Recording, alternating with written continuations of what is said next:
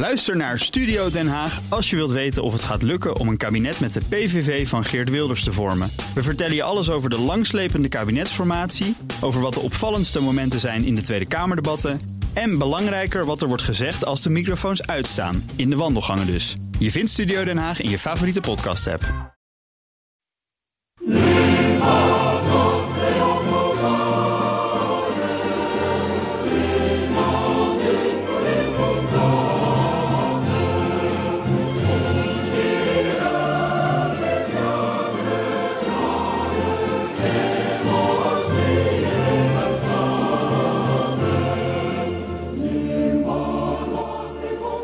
Welkom bij BNR Perestroikast, aflevering 179 van de enige podcast van Nederland die volledig oog voor het oosten heeft en geeft.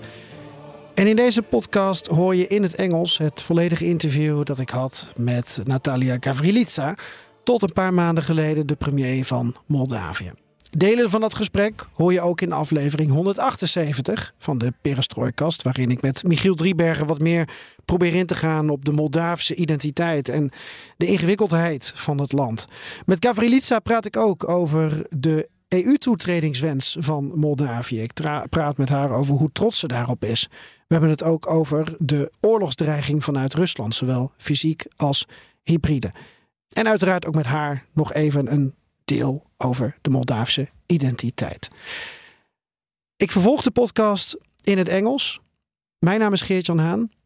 De volgende keer is hij erbij, Floris Akkerman. Luister zeker ook naar aflevering 178 voor meer over Moldavië. En dit is BNR Perestrooikast.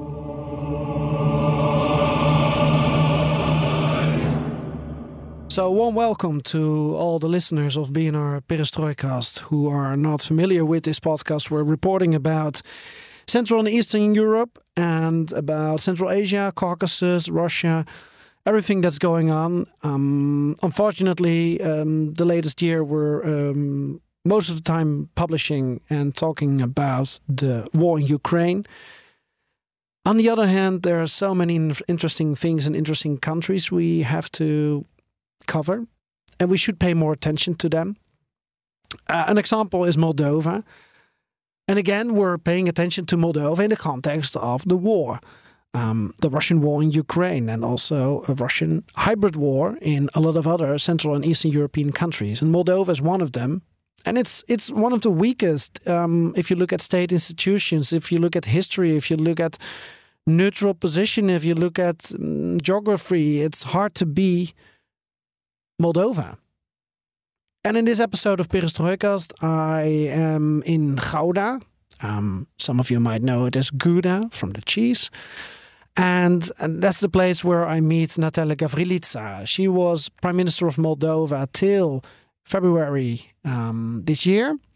And then she had to step down. She had to resign because of protests in Moldova that were, according to the pro European government of Moldova, um, according to the leading party, those protests were ignited by um, Russia because of Russian blackmailing with energy prices and energy contracts, and because of other disturbing factors. She's elaborating on that, uh, but she's also talking about um, the prospect of um, uh, Moldova and um, what she's hoping for when they are trying to get into the EU. She's even referring to um, an anecdote 20 years ago, an event she was attending as a translator, a young translator, and she was participating in an event that was actually seen as maybe the last chance of Moldova to enter the EU. And then suddenly, recently, Russia invaded Ukraine and everything became some kind of roller coaster for Eastern Europe, and Moldova got another chance to become part of the European family. They're hosting even the EPC Summit, European Political Community Summit, this week in Chisinau. Well, not in Chisinau, actually, it's in Bulboaca. It's like five kilometers um, with the border of, of annexed Transnistria. It's east of Chisinau. Let's listen to the conversation with um, Natalia Gavrilița. I hope you enjoy it, um, that you learn a little bit more about um, Moldova, about the, the, the, plans of the current leading government party, because um, Gavrilița is still uh, deputy chairman of her party that is um, ruled by Maia Sandu, uh, president of um, Moldova, well known figure as well. Well, long story short, please enjoy Perestrojkast. This is an interview with Ms. Uh, Natalia Gavrilița, former prime minister of Moldova. The Moldovan people uh, have chosen a very clear pro European majority. Uh, and uh, we uh, have become candidate country to the European Union. Uh, we, uh, we were very firm that we think that this is um, a crucial part of anchoring us in the free world. Uh, it's a civilizational choice. You know, we want to join the European Union uh, not for the sake of the name, but because we truly believe in the values of democracy, human rights, freedom, um, rule of law, uh, and um, economic uh, um, uh, freedom of, of, of or, or, free economy. Uh, so we are doing this first and foremost for our people uh, and for the future of next generations. So something that we truly believe in. And while visiting the Netherlands, do you have a specific message? Um, these are wishes from your side, but do you expect something from, from the Dutch? So, you know, there are several things that uh, uh, we think are appropriate for this moment in history. First and foremost, these are bold decisions. And we very much appreciate the bold decision to grant Ukraine and Moldova candidate status to the EU. I think this was a very clear message to the people of Ukraine and Moldova that with the uh, support of European values and with transformations and reforms to be done in the country, we could become uh, members of the European family. And uh, it's very important at this point for our people to have a light at the end of the tunnel and to know that the future can be better than the, re- the reality, which is very tough for them, uh, that they are confronted with. And um, we require bold solutions and bold decisions going forward. So, first and foremost, bold decisions um, in terms of supporting Ukraine and continuing the support to Ukraine. Uh, you know, we are seeing that the breaking news from the war in Ukraine are being relegated to ordinary news stories, and we are getting used to um, news about war in Ukraine. And you know, I, I, truly believe that the war should never be normalized. So, um, unity, European unity in support of Ukraine will continue to be important because they are fighting for our values and for our European way of life. And then, um, you know, we are working very hard to uh, open up uh, negotiations uh, towards uh, uh, EU integration. Uh, we have done significant reforms. Um, again, this is this was started before the war in Ukraine. This is something we truly believe in for our people. But it's important that this is recognized. And I'm talking here about, for example, Moldova ranking 28th out of 180 countries on uh, freedom of press index, um, well ahead some European countries and the U.S. Uh, I'm talking about, uh, you know, our corruption perception index uh, uh, compiled by Transparency International falling to a 10-year low.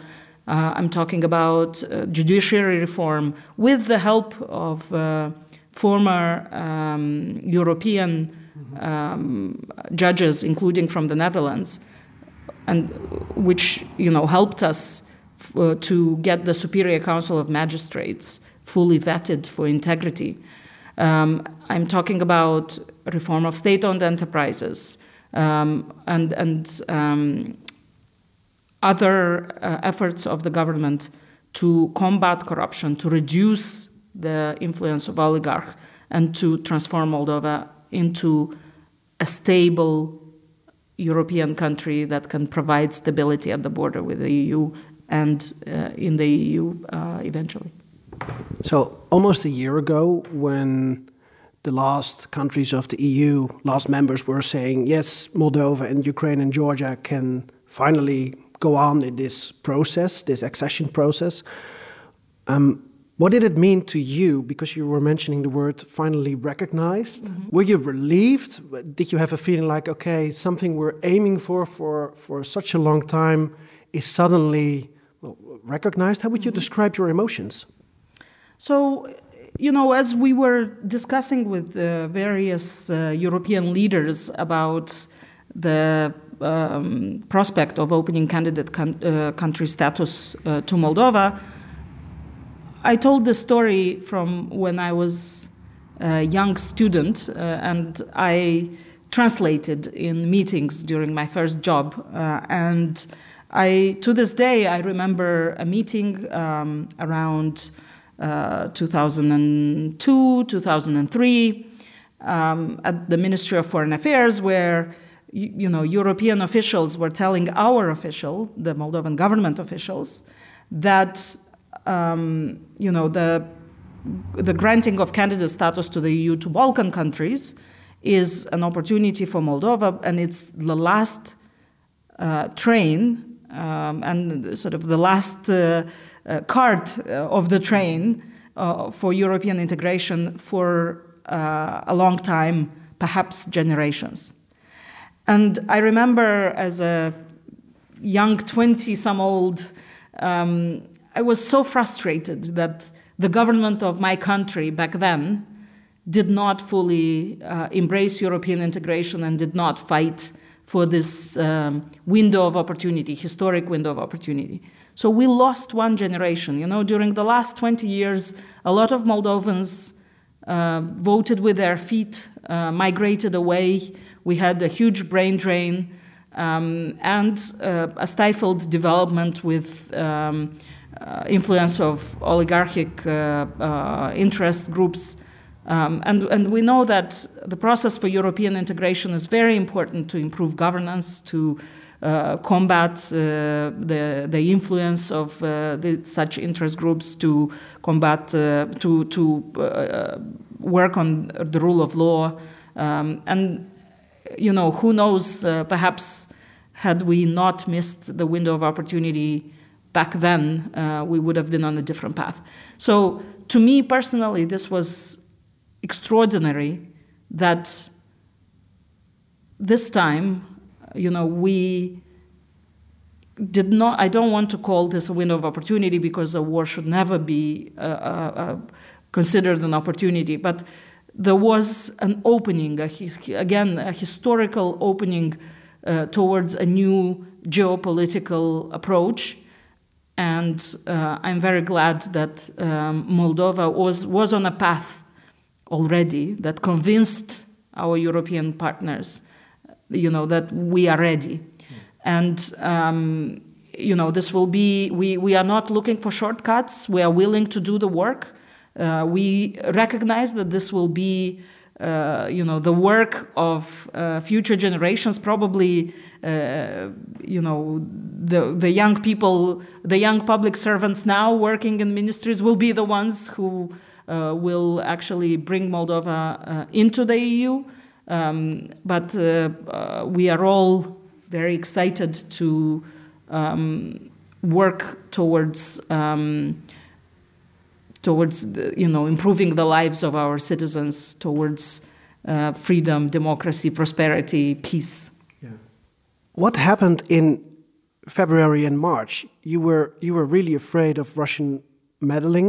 Um, how how serious were the signals that you received coming? amongst others from Ukraine, by the way. And what was the biggest threat you were facing back then? What was so alarming? Could you elaborate on that?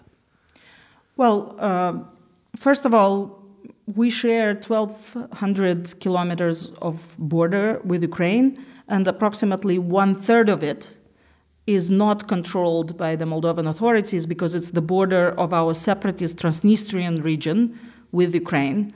And on the, uh, on the territory of, the, of this secessionist Transnistrian region, we have Russian troops, um, a Russian controlled um, or Russian controlled authorities, and we have a big uh, munitions deposit from the Soviet times.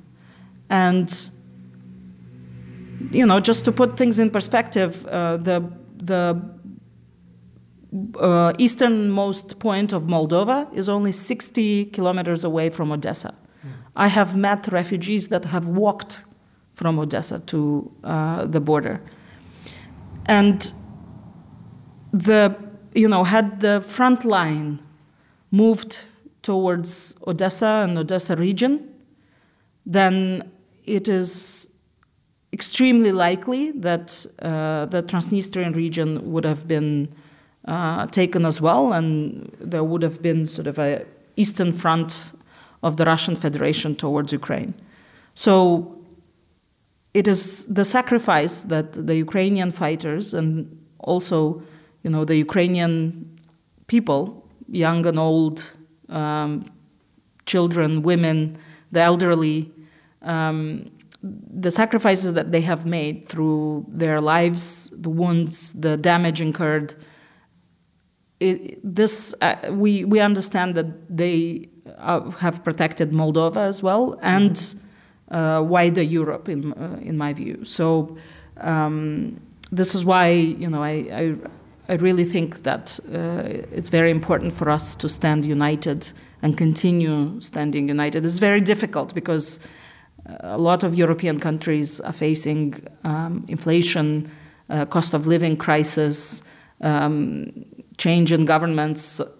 But regardless of this, um, we have to look more strategically and ensure that um, you know this, this, this we, we continue to support the values that we believe in. I was in Ukraine end of February, beginning of March. I didn't have the feeling that the Russians would go all the way to Odessa. Um, you never know, right? But um, I'm, I'm still looking for what was the biggest threat that you were facing, and that was really was it a real scenario that the Russians would take Odessa back then and also try to combine it with the Transnistria part? So, um, uh, you know, I talked about the, the, the, Transnistrian region sort of as a major threat in the beginning of the war. Yeah. Um, as you remember, the front lines were moving very quickly um, in the first uh, few days. Um, and then, of course, we faced a very big wave of refugees. Uh, Moldova, with a population of 2.6 uh, million, has received uh, or uh, through Moldova, we over 600,000 refugees moved, so the highest per capita number in Europe. And we had at some point 130,000 uh, refugees that were staying in Moldova, which was five times more than the estimated UNHCR capacity, mm-hmm. or the capacity of Moldova as estimated by UNHCR. Um, and this was due to an extraordinary mobilization of people, but of course, you know, such a wave of uh, refugee can be uh, very uh, destabilizing, and this is why we're very appreciative of the support that we've had to be able to deal with uh, with uh, this crisis. So we had, for example, green lines to um, transfer refugees to the uh, Moldova-Romania border. Uh, we had uh, special flights with a limited number of refugees who were received by other European countries, and we also had um, financial uh, assistance to support the macroeconomic development of Moldova. Um, at the same time, we um, did face a uh, energy blackmail mm-hmm. by Russia before the war, and then uh, more seriously after the war began. Uh, so uh, we uh, stopped receiving quantities of gas, and this is under the conditions where Moldova was 100% dependent on gas provision from the Russian Federation. So in just one year, we have diversified the supply from 100% dependency on Russia to 100% uh, delivery from alternative sources bought on the international market under the condition where the prices were at record high for decades. So, uh, you know, this led to an increase uh, in gas prices of about seven times. We also introduced the social assistance program where about half of Moldova's, more than half of Moldova's households were supported, and I'll uh, part of the increase in costs was subsidized uh, because Moldova, of course, has uh, quite um, high poverty rates, mm-hmm. and um, some of these people couldn't even afford um, the, the, to pay the utility bills. Um, so, uh, as you can understand, uh, under such conditions, um, you know, we uh, in 2022 we had uh, a decrease in GDP of six percent, and then average inflation was almost 30 percent average inflation, but at some point we had even higher inflation. So, despite all the um, efforts that we have made to support the vulnerable uh, and to uh, keep, so to compensate for uh, this stagflation and cost of living crisis, of course, uh, you know, uh, people do see um, a, a, certain fall in standards of living, which makes them very vulnerable to uh, Russian propaganda, disinformation, to oligarch, uh, oligarchs who are working together with uh, Russian interests to destabilize the government. Uh, so, um, under these conditions, um, you know, we had to sort of change the focus and, and, and have a change in government, also a pro European government, but that would be more focused on uh, from, from sort of crisis, uh, dealing with crisis mode. Um, to uh, more uh, focus on security and uh, these hybrid threats. So you're you're actually saying and explaining that there's a, a bigger risk that Russia is destabilizing your country um, through hybrid, yes, through hybrid war. So we've had uh, elements of hybrid war uh, all through the years. Um, uh, you know, Russia has always uh, meddled in elections, financed uh, uh, political parties. you know, financed media outlets and had a disinformation campaign, but of course, it took a completely different uh, size uh, after the war in Ukraine.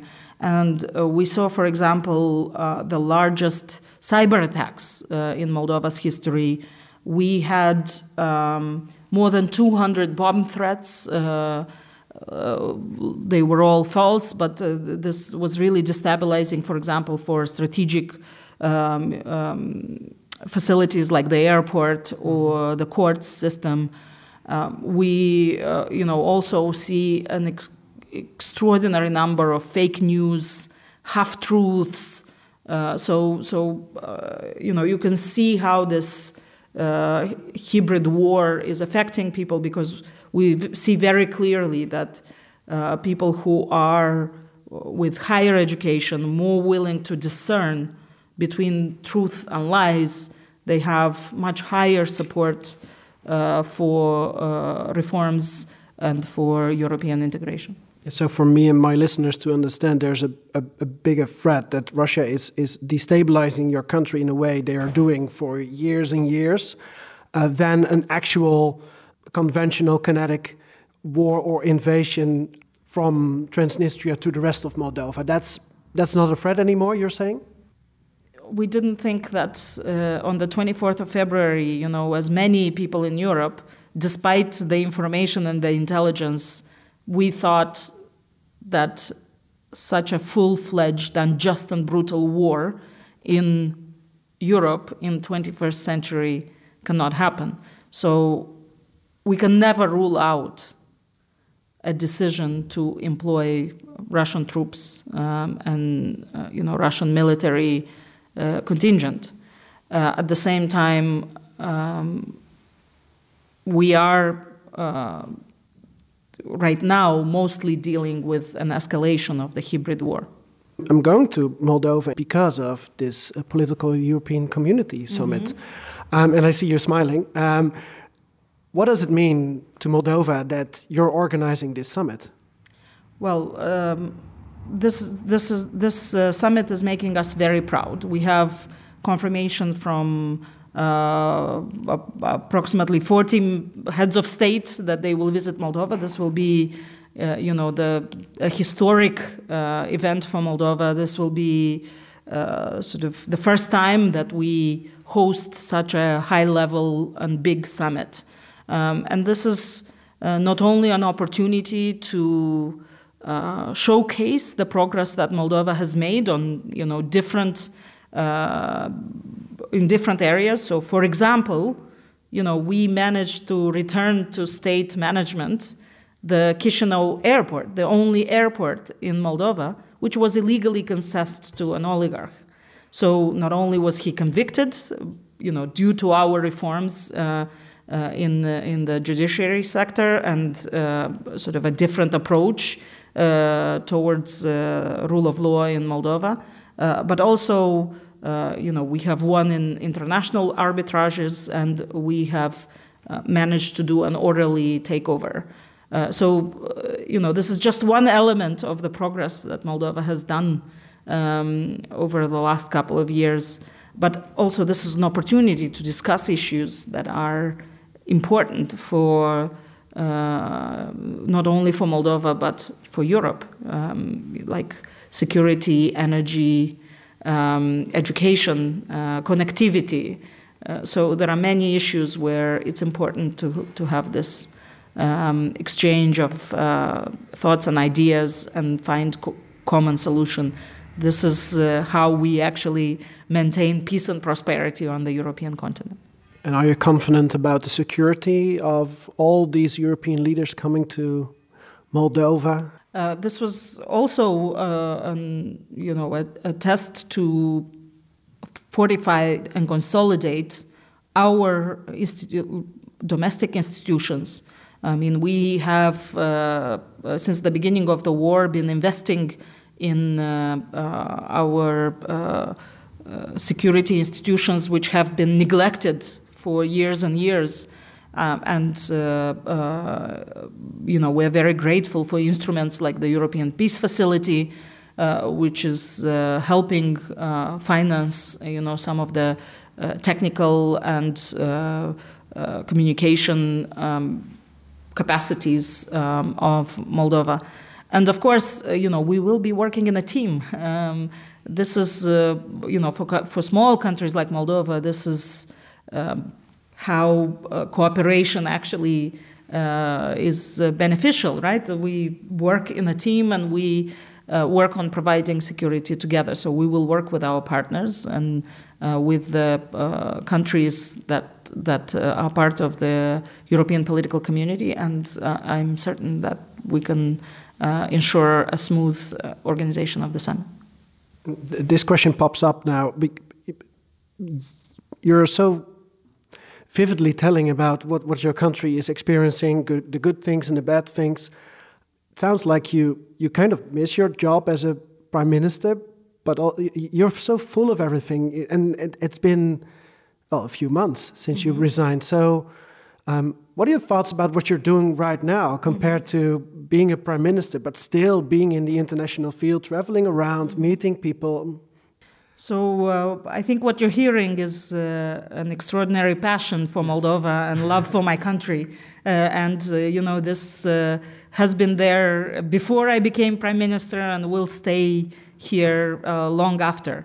Um, I am still the first deputy president of the ruling party, Party of Action and Solidarity, and I continue to be politically active together with my. Um, uh, colleagues in the party to improve uh, the lives of all Moldovans. Uh, and uh, occasions like this, um, like this uh, um, uh, trip to the Netherlands, gives me a good opportunity to tell others about Moldova, to invite them to come and visit, to um, you know see with their own eyes that Moldova is a European country.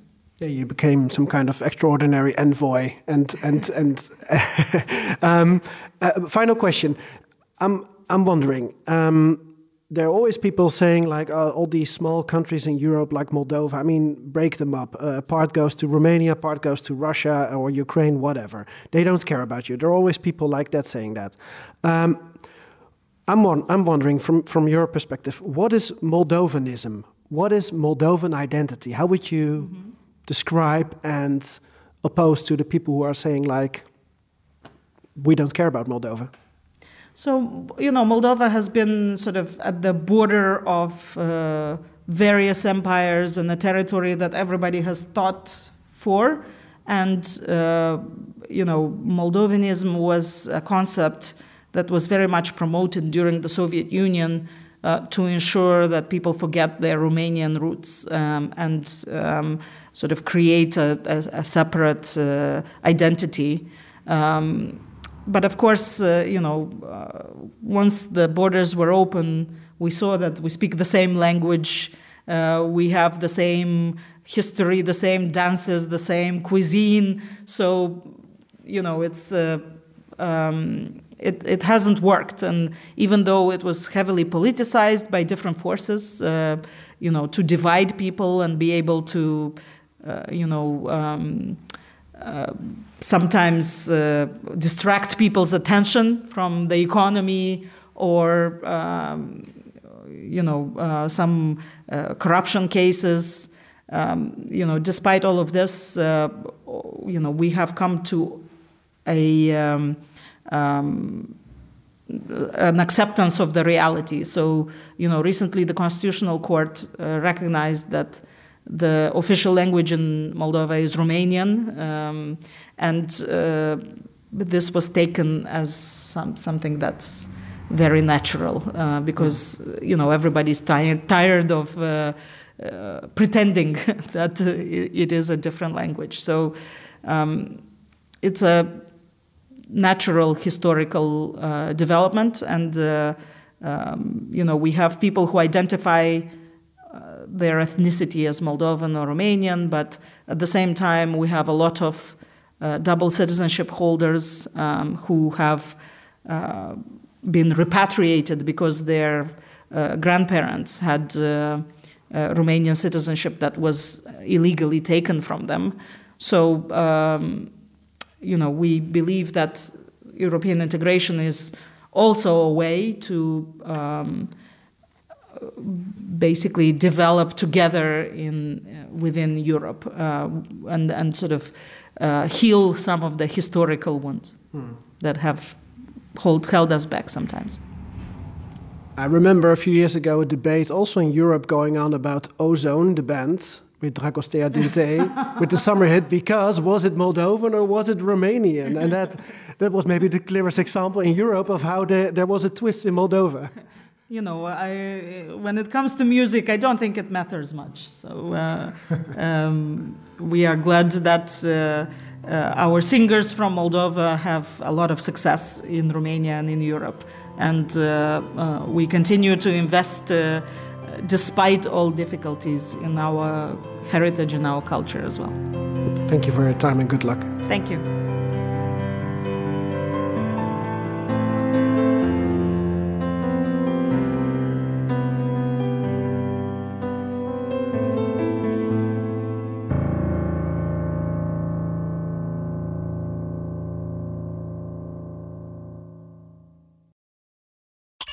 Thomas van Zeil vind je in de BNR-app. Je kunt live naar mij luisteren in Zaken doen. De BNR-app met breaking news, het laatste zakelijke nieuws... en je vindt er alle BNR-podcasts, bijvoorbeeld Het Nieuwe Geld. Download nu de gratis BNR-app en blijf scherp.